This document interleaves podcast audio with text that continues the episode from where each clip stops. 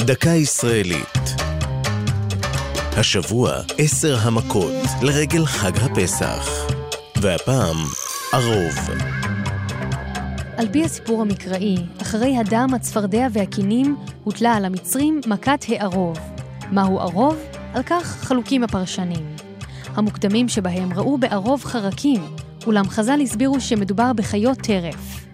בימינו, חיות טורפות כמעט אינן סכנה ממשית לבני האדם בארץ, אך לא תמיד כך היה. במשך אלפי שנים שוטטו כאן נמרים, תנינים ודובים. ציד ופגיעה בבתי גידול גרמו לכך שבתוך כמה עשרות שנים בלבד הם נעלמו מן הטבע. בסוף המאה ה-19 הצטמצמה אוכלוסיית הדוב הסורי החום, והאחרון בדובים מזן זה ניצוד לפני כמאה שנה. תנין היאור המוכר, האחרון שחי בארץ, ניצוד חמש שנים קודם לכן. זאבים ונמרים לעומת זאת, תועדו גם במאה האחרונה. הזאבים חיים כיום בעיקר בקצות הארץ הצפוניים והדרומיים, המיושבים פחות.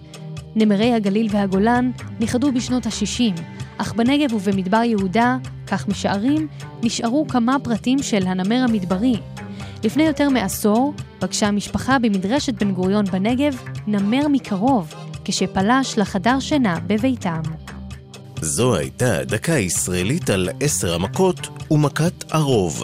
כתבה תום נשר, ייעוץ הדוקטור נועם לידר, הגישה נועם גולדברג.